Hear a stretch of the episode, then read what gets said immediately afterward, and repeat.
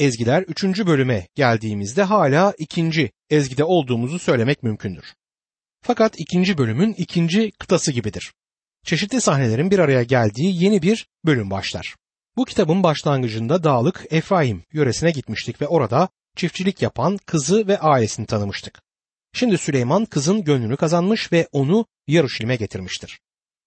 Ezgiler 3. bölüm 1 ve 2. ayetlerde şöyle yazar. Gece boyunca yatağımda sevgilimi aradım. Aradım ama bulamadım. Kalkıp kenti dolaşayım, sokaklarda, meydanlarda sevgilimi arayayım dedim. Aradım ama bulamadım. Şimdi sahne kralın kızı götürdüğü Yarışlim'e gelmiştir. Yalnızdır. Kral işi dolayısıyla yolculuktadır sanırım. Burada bir rüya kaydedilmiştir ve ayrıntılardan duyduğu kaygı üzerine sonunda şehir sokaklarında kralı aramaya çıkar. Gece boyunca yatağımda sevgilimi aradım diyor. Bu Mesih ile olan paydaşlığımızın mükemmel bir resmidir. Bir günü arkamızda bıraktığımızda uykuya dalmamız gerektiğini düşünüyoruz. Eğer uykuyu Mesih'e tercih ediyorsak 8 saatte bunu elde edebiliriz ama onu kaybetmemek dinlenmeye yeğdir. Modi bunu şöyle dile getirmektedir. Eğer Mesih en önemli, en önde ve en gerekliyse bizim için uykudan ve yiyecekten üstünse onun için kurban edebileceğimiz yiyecek zamanlarımız ve uyku zamanlarımız olacaktır. Uykumuz Rabbimiz bizde dinlenirken ve bizde dururken daha da tatlıdır. Kalkıp kenti dolaşayım, sokaklarda, meydanlarda sevgilimi arayayım diyor. Yataktan kalkmak ve kente gitmek Rabbi aramayı tanımlar. Aradım ama bulamadım. Bu onun için açık sözlü bir itiraftır. Birçok kişi Mesih'i bulamaz çünkü onu hiç aramaz. Kaç tane Hristiyan her pazar kilise sıralarında oturur ve şu elzem soruyu kendisine yöneltir. Onu bulamadım. Rab nerede? Rab kendisini tüm yürekle arayanların onu bulacaklarını söyler. Yakup 4. bölüm 8. ayette ise Yakup şöyle bildirir. Tanrı'ya yaklaşın o da size yaklaşacaktır. Ezgiler 3. bölüm 3. ayette kenti dolaşan bekçiler buldu beni. Sevgilimi gördünüz mü diye sordum diyor. Bekçilerin sevgilisini bulmakta kıza yardımcı oldukları kuşkusuzdur. Gerçekte bekçilerden çok uzakta değildir onun bulunduğu yer. Ezgiler 3. bölüm 4. ayette ise onlardan ayrılır ayrılmaz sevgilimi buldum. Tuttum onu bırakmadım. Annemin evine beni doğuran kadının odasına götürünceye dek diyor. Ne kadar büyük bir ödül arayana verilen sevgilimi buldum sözüdür. Modden aktarma yapmaya devam edeyim. Onu buldum. Ben bir insanım ve yücelikler Rabbini buldum. Ben günahın bir kölesi, büyük özgür edeni buldum. Ben kayıpların en büyüğü, kurtarıcımı buldum ve Tanrımı. Ben atılmış, kakılmış kişi, dostumu buldum. Sevgilimi diyor. Git ve öyle yap sen de, Siyon kızları ve oğulları. Sizi bulduracaktır kendisini. Tüm yüreğinizle aradığınızda onu bulacaksınız. Tuttum onu bırakmadım diyor. Mesih ile aramızdaki bozulan paydaşlığın düzelmesinde çaba göstermemiz gerektiği burada vurgulanır. Başka ilgiler kalabalığını yaşamımıza almak çok kolaydır. Böylece onun yaşamımızdaki varlığının anlamını yitireceğimiz kesin. Moody çok güzel söylemiş. Tutun, kral uzaklara gidecek. O tutulmak ister. Tutulmadan kalmak istemez. Bu inanlı kurtuluşunu yitiriyor anlamına gelmez elbette ama Mesih'le paydaşlığının zedelenebileceği anlamına gelir. Anamın evine beni doğuran kadının odasına götürünceye dek diyor. Onu bulduğunda hemen doğduğu yere götürür. Onu ilk tanıdığı yere. Birçoğumuz ilk sevgimize geri dönmeliyiz. Mesih'e ilk iman ettiğin zamanları anımsamanı istiyorum. Senin için ne kadar büyük anlam taşıdığını hatırlıyor musun? Ezgiler 3. bölüm 5. ayet. Dişi ceylanlar, yabanıl dişi geyikler üstüne ant içiyorum size. Ey Yaruşilim kızları, aşkımı ayıltmayasınız, uyandırmayasınız diye gönlü hoş olana dek diyor. Şimdi onunla olan muhteşem paydaşlık yenilenmektedir. Süleyman'ın geliniyle birlikte gelişini göreceğiz birazdan. Bölümün bu kısmı özel bir değer taşır. Kralın geliniyle birlikte gelişini resmeder. Bu küçük kız yüreğini kaptırdığı o adamın dönüşünü uzunca bir zaman gözledi. Bir gün bağda çalışıyordu.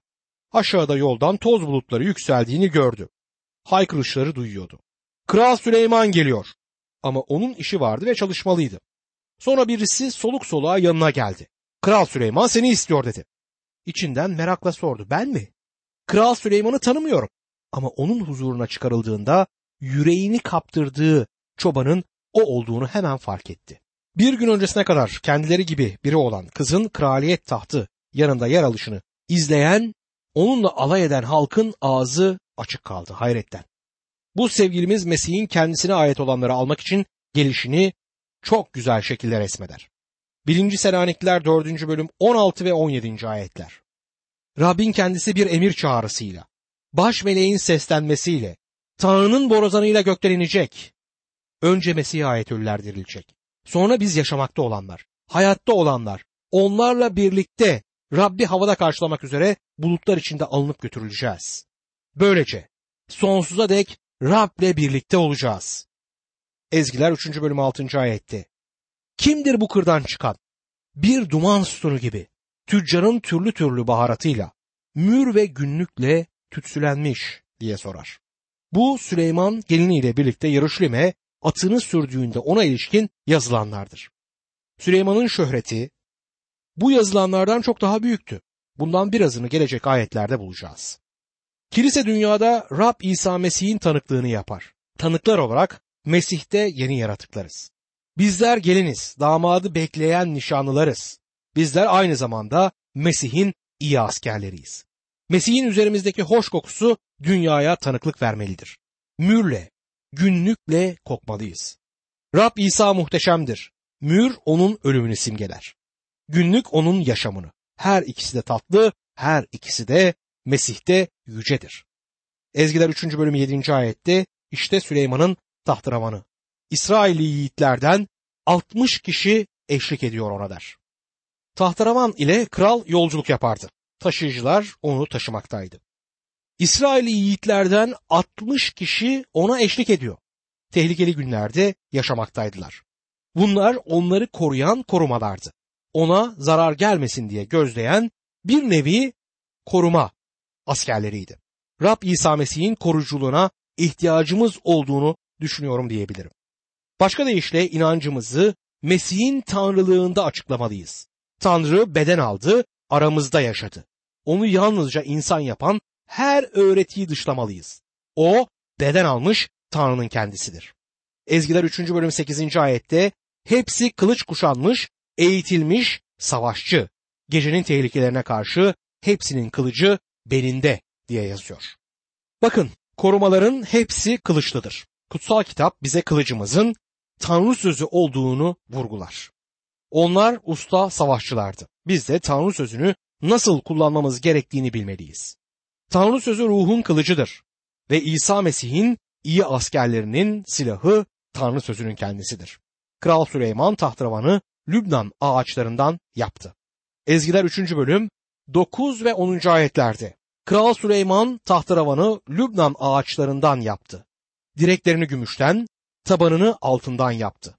Koltuğu mor kumaşla kaplıydı. İçini sevgiyle döşemişti. Yaruşilim kızları diyor. Lübnan ağaçlarından yapılmış bir tahtaravan. Düşünün bir kez. Tabanı altından yapılmış. İçini sevgiyle döşemişti Yaruşilim kızları diyor kutsal kitap. Süleyman'ın tahtaravanı Yaruşilim kızlarının el emeği göz nuruyla döşenmişti. Bunlar şaşılacak güzellikteydi. Ama aynı zamanda sevgi de gözler önüne burada serilir. Ezgiler 3. bölüm 11. ayette dışarı çıkın ey Sion kızları. Düğününde mutlu gününde annesinin verdiği tacı giymiş Kral Süleyman'ı görün der. Tacı başına anasının taktığı söylenir. Eğer 1. Krallar 1. bölüme geri giderseniz aslında Davut'un oğlu Süleyman'a tacı vermek istemediğini göreceksiniz. Davut'un bir başka oğlu Adoniya tacı kendi eline geçirmeye çalışıyordu. Bir tarz bir oyun yapıyordu. Davut yaşlı bir adam olmuştu ve bu konuda hiçbir girişimde bulunmadı. Sevdiği oğlu Avşalom öldürüldü ve Davut'un Süleyman'a karşı yüreği de sıcak değildi.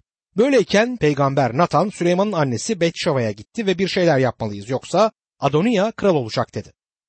Betşeva ve peygamber Nathan kral Davut'a gittiler ve kral Davut onu bana getirin onu kral yapacağım dedi.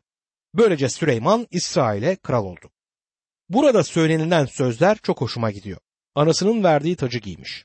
Annesiydi onunla ilgilenen kişi doğru. Kendi oğlu olmasına karşın Davut'un onu kral yapmaya pek de yüreği yoktu. Bakın Kral Süleyman'a. Bu Mesih'in resimlenişidir. İsa'ya bakın. Onun doğumuna bakın. Yaşamına bir bakın. Ve aynı zamanda ölümüne de bakın. ölümden görkemle dirilişine bakın. Onun bugünkü yüceliğine bir bakın. Kilisesini yani inanlılar topluluğunu almaya gelen kişi olarak ona bakacağımız günler gelecektir. Ezgiler 4. bölüm son ayet dışında damada ait bir ezgidir. Süleyman burada dağlık köyde bulduğu ve şehre getirdiği kızı olan aşkını dile getirir. Sanıyorum ayağına ilk kez ayakkabıyı burada giyecektir. Artık güzel elbiseleri var ve Süleyman'ın masasında oturur. Büyük ayrıcalıklı bir masa. O da bu ayrıcalığına sevinç duyar.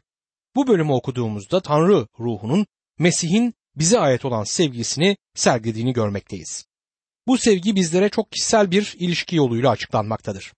Mesih'in kilisesine olan sevgisi bize bildirilirken her inanlıya ayrı ayrı bu bildiri seslenir. Bu damadın sevgi ezgisi ya da İsa Mesih'in sevgi ezgisidir. Ezgiler 4. bölüm 7. ayette Tepeden tırnağa güzelsin aşkım, hiç kusurun yok derken kiliseye konuştuğu açıktır. Bu Mesih'in kiliseye ve her inanlıya seslenmesidir. O sana ve bana konuşur. Bu senin ve benim kusursuz olacağımız anlamına gelmez. Hayır. Elçi Paulus Efeslere yazdığı mektubunda Efesler 5. bölüm 25 ve 26. ayetlerde şöyle söyler. Ey kocalar! Mesih kiliseyi nasıl sevip onun uğruna kendini feda ettiyse siz de karılarınızı öyle sevin. Mesih kiliseyi suyla yıkayıp tanrısal sözle temizleyerek kutsal kılmak için kendini feda etti. O bizi kanıyla zaten temizledi. Onun kurban oluşu aracılığıyla günahlarımızın affına sahibiz. Bizi suçlu çıkartacak borç senedimiz artık yok. Ama bizi sözü aracılığıyla da temizlemek ve kutsal kılmak ister. Efesler 5. bölüm 27. ayette öyle ki kiliseyi üzerinde leke, buruşukluk ya da buna benzer bir şey olmadan görkemli biçimde kendisine sunabilsin. Amacı kilisenin kutsal ve kusursuz olmasıdır. Kilise temiz ve buruşuksuz olsun ister. Kiliseyi kuran Mesih bizlerde görülmektedir. Şimdi kiliseye bakarak tepeden tırnağa güzelsin aşkım hiç kusurun yok diyebilir. Çünkü o kiliseden ve her inanlıdan bu kiri yıkadı. Ezgiler 4. bölüm 1. ayette ah ne güzelsin aşkım ah ne güzel. Peçenin ardındaki gözlerin güvercinler gibi. Siyah saçların Gilat dağının yamaçlarından inen keçi sürüsü sanki diyor. Burada kızın tam bir tarifi bize verilir. Bedeninin üyeleri tanımlanmaktadır. Şimdi evlilik konusunda iki tane uç nokta var. Birisi cinsel ilişkiye dayalı evliliktir. Diğerinde cinsel ilişkiye neredeyse hiç yer yok. Bu evlilik o denli kutsal ve yüksek ki cinsel ilişkinin konusu bile bu evlilikte edilmez.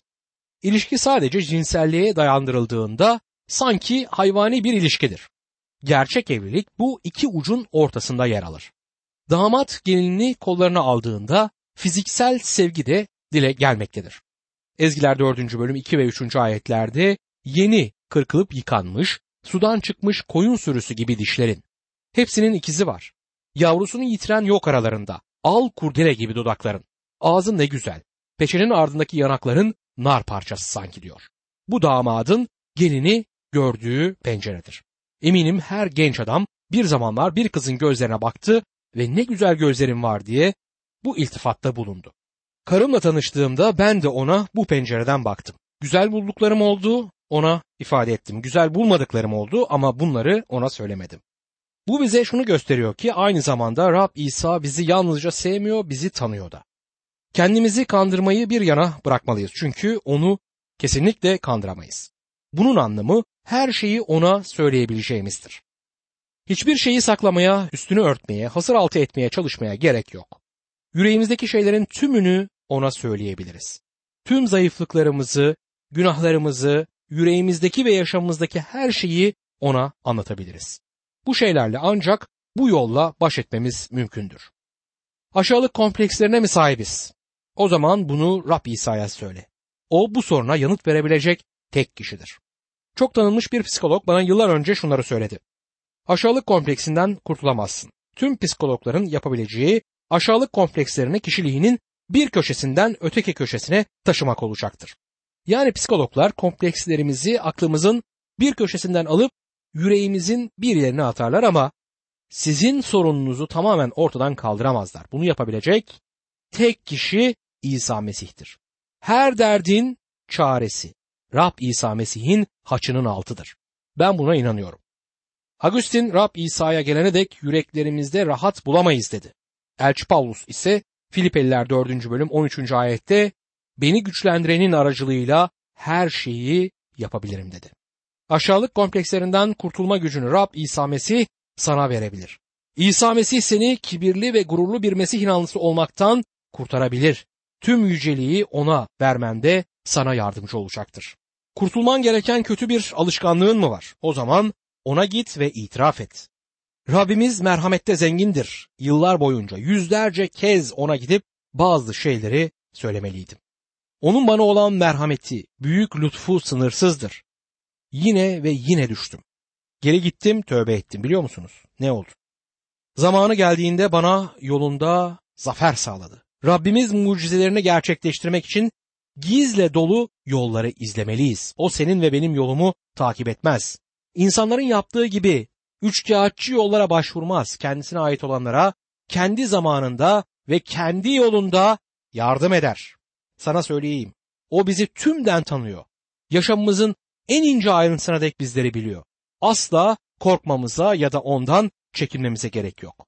Ezgiler 4. bölüm 6. ayette gün serinleyip gölgeler uzayınca Mür Dağı'na günlük tepesine gideceğim diyor. Bu sorunlarımıza, dertlerimize derman bulacağımız adrestir. Mür Dağı, İsa Mesih'in haçı. Çünkü mür onun ölümüne işaret eder. Orası esenlik, kurtuluş ve yardım bulacağın yerdir. Günlük tepesi onun yaşamını işaret eder ama yalnızca dünya yaşamını değil. Elçi Paulus 2. Korintliler 5. bölüm 16. ayette bu nedenle biz artık kimseyi insan ölçülerine göre tanımayız. Mesih'i bu ölçülere göre tanıdıksa da artık öyle tanımıyoruz der. Şimdi onu yüce Mesih olarak tanımaktayız. Sorunlarına çare Mesih'i tanımaktan geçer. Filipeliler 2. bölüm 5. ayet. Mesih İsa'daki düşünce sizde de olsun diyor kutsal kitap. Yanıt Tanrı sözünde deyip durmamın nedeni budur. İnsanları başka yerlerde yanıt aramaya iten umutsuzluklarıdır. Tanrı sözüne aldırmayanlar, sahte öğretmenlerin pazarında satışa çıkar. Mesih'le birlikte ziyafet evinde masaya oturacağımız bize Süleyman'ın ezgileri ezgisinde okuduğumuz gibi Tanrı sözüyle bildirilir. Orada onunla birlikte bayram kutlayacağız ve onda doyum ve sevinç bulacağız. Sen ve ben İsa Mesih bizi nedenli seviyor farkında değiliz. Ezgiler 4. bölüm 9 ve 10. ayetlerde onu dinleyin. Çaldın gönlümü kız kardeşim yavuklum. Bir bakışınla gerdanlığının tek zincirinle çaldın gönlümü. Aşkın ne güzel. Kız kardeşim yavuklum. Şaraptan çok daha tatlı. Esansının kokusu her türlü baharattan güzel diyor. Damadın geline konuşması budur. Mesih'in kendisine ait olan inanlılara konuşması burada betimlenir. Bu bizi bugün ne kadar çok sevdiğinin göstergesi değil mi? Onun seni ve beni ne kadar çok sevdiğini bilsek bu sevgi senin ve benim yüreğimi ezerdi. Yalnız Tanrı'nın kutsal ruhu bize bunu açıklayabilir. Bazıları arabalarının arkasına çıkartmalar yazıp yapıştırıyorlar. İsa seni seviyor. Seni sevdiğini nereden biliyorsun? Bu sevgiyi nasıl yaşıyorsun? Onun sevgisinden emin misin peki? Dostum, İsa seni seviyor. Sen de onu sev. Şimdi gelin konuşmaya başlar. Ezgiler 4. bölüm 16. ayet. Uyan ey kuzey rüzgarı. Sen de gel ey güney rüzgarı. Bahçemde es de güzel kokusu saçılsın. Sevgilimin bahçesine gelsin. Seçme meyvelerini yesin. Yuhanna 13 ila 17. bölümler arasında İsa Mesih'in öğrencilerine yukarı odada öğrettiği harika dersleri anımsayın. Bu bölümlerin tam ortasında 14. bölümde öğrencilerin İsa'ya defalarca soru sorduğuna tanık oluyoruz. Ona soru soran kişiden bir tanesi de Yahuda'dır. O ne sordu hatırlıyor musunuz? Yahuda yani İskaryot olan değil şöyle dedi Yuhanna 14. bölüm 22. ayette. Ya Rab nasıl olur da kendini dünyaya göstermeyip bize göstereceksin diye sordu.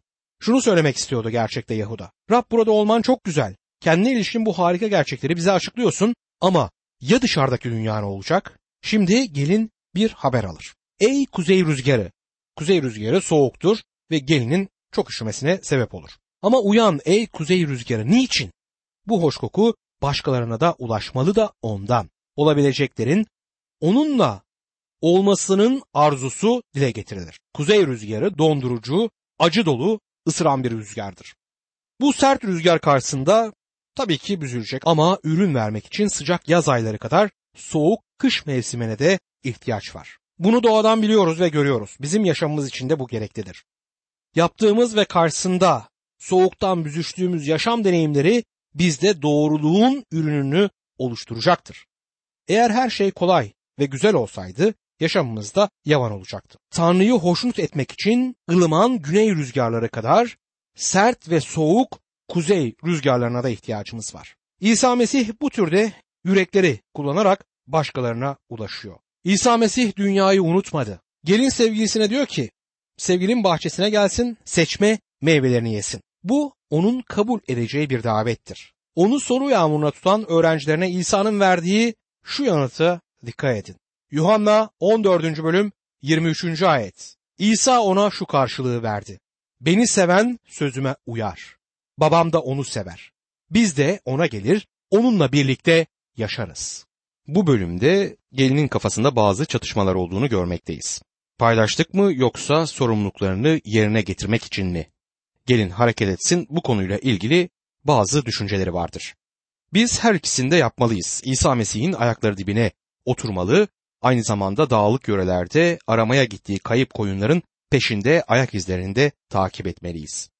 Tanrı sözünü ekeceğimiz tarlalara bizi götüren bu ayak izlerini dünyada aramalı ve izlemeliyiz.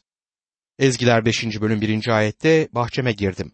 Kız kardeşim yavuklum mürümü topladım baharatımla, gümecimi, balımı yedim. Şarabımı sütümü içtim diyor. Kız paydaşlık için davet alır. Rab vahiy 3. bölüm 20. ayette şöyle der. İşte kapıda durmuş kapıyı çalıyorum. Biri sesimi işitir ve kapıyı açarsa onun yanına gireceğim. Ben onunla, o da benimle birlikte yemek yiyeceğiz. Bu bizim ihtiyacımız olan paydaşlıktır. Bu paydaşlıkla ilgili olarak 1. Yuhanna 1. bölüm 4. ayette şöyle yazar. Bunları size sevincimiz tam olsun diye yazıyoruz. Bizimle yalnızca paydaşlıkta bulunmak istemez Tanrı. Aynı zamanda iyi bir zaman geçirmemizi de ister. Mesih inanları olarak zamanınızı nasıl geçirdiğinizi sormak isterim. Yayınlarımıza gösterilen ilgi, gelen mektuplar oldukça ilginç ve sevindirici. Hastanelerden, evlerden bize yazanlar var ve geçirmekte oldukları acıları ve hastalıkları bizlerle paylaşıyorlar. Ama Rab İsa ile olan mükemmel paylaştıklarından da söz etmekteler. Bana yazan bir bayanın mektubunu okuduğumda gözlerimden yaşlar süzüldü. Şöyle yazıyordu. Hemşire beni yatağıma yatırınca iki saat daha sürüyor uykuya dalmam. Bu arada sizin için dua ediyorum. Sonra sabahları çok erkenden uyanıyorum ve senin için yine dua ediyorum. Sonra Rab İsa Mesih'le olan harika paylaştığından söz ediyor. Bu gerçekten harikadır. Şimdi bu kitaptaki dördüncü ezgiye geliyoruz. Bu halk türkülerine benzeyen bir ezgidir ve burada gelin konuşur. Ezgiler 5. bölüm 2. ayette ben uyuyordum ama yüreğim uyanıktı. Dinleyin. Sevgilim kapıyı vuruyor. Aç bana kız kardeşim, aşkım. Eşsiz güvercinim, sırılsıklam oldu başım çiğden. Kahküllerim gecenin neminden diyor. Kız yüreğinin uyanık olduğunu söyler. Dinleyin bu damadın sesidir. Tüm gece dışarıda meşguldü. Gelin yatağında kıvrılmış uzanırken bu sesi duyacağız. Kilise yani inanlar topluluğunun bugün bu mesajı işitmeye ihtiyacı var. Tüm inanların ihtiyacı bu haberi duymaktır. Yataklarımızdan kalkalım ve işe başlayalım. Eğer Rab bize sağlık vermişse gelin onun için harekete geçelim. Ezgiler 5. bölüm 3. ayette entarimi çıkarttım. Yine giyinmeli miyim? Ayaklarımı yıkadım. Yine kirletmeli miyim? diye soruyor. Şimdi kız hareket etmeye başlayacaktır. Halen yatakta. Yatmak için ayaklarını yıkadı ve yataktan çıkıp yeniden ayaklarını yıkamak istemez. Ezgiler 5. bölüm 4. ayette kapı deliğinden uzattı elini sevgilim. Aşk duygularım kabardı onun için diyor. Burada gelinin yüreğinin kıpır kıpır ettiğini görüyoruz. Ezgiler 5. bölüm 5. ayette kalktım sevgilime kapıyı açayım diye. Mür elimden damladı. Parmaklarımdan aktı sürgü tokmakları üzerine diyor. Bu olayın arkasında o günlerin güzel bir geleneği yatmaktadır. Bir adam bir genç kızı severse kırmızı güllerden bir buket ya da bir kart yazmak yerine kapı tokmağına esans sürerdi. Kapının üzerinde bulunan bir delikten içeriye kapı sürgülüyken de açıkken de uzanmak mümkündü. Bu olayda da belirtildiği gibi uyuyan gelinden yanıt yoktu. Damat kapının iç tokmağına mür koydu. Kıza gelmiş olduğunu belirtmek istiyordu. Kapıyı açmaya geldiğinde mis gibi kokan mür kokusu parmaklarına bulaştı. Tatlılığının hoş kokusunu orada bırakmıştı. Gelin bugün kiliseyi yani Mesih inanları topluluğunu betimler. Ama ne yazık ki Batı dünyası kiliselerden yani Mesih inancından uzak yaşamaktadır. Sonuç olarak Rab İsa'ya olan paylaştığını yitiriyorlar. Gerçekte bu bağı bozan küçük tilkilerdir. Tanrı'nın istemi dışına çıktığımızda paylaştığımız elden gider. Bu ruhu söndürmek anlamına gelebilir. Yapmamamızı istediğini yapmamak, gitmemizi istediği yere de gitmeyi istememek ruhu söndürmektir. Sanırım bugün yataklarımızdan kalkmamız gerekiyor. Tanrı için harekete geçme zamanı gelmiştir. Kalkmak için elinizi yatağınızın kenarına uzattığınızda onun hoş kokusu elimize bulaşacak. Onunla paylaştığımızın tadına o zaman erişeceğiz. Bu ezgilerin en kısa olanı ama içinde en derin anlam taşıyanıdır.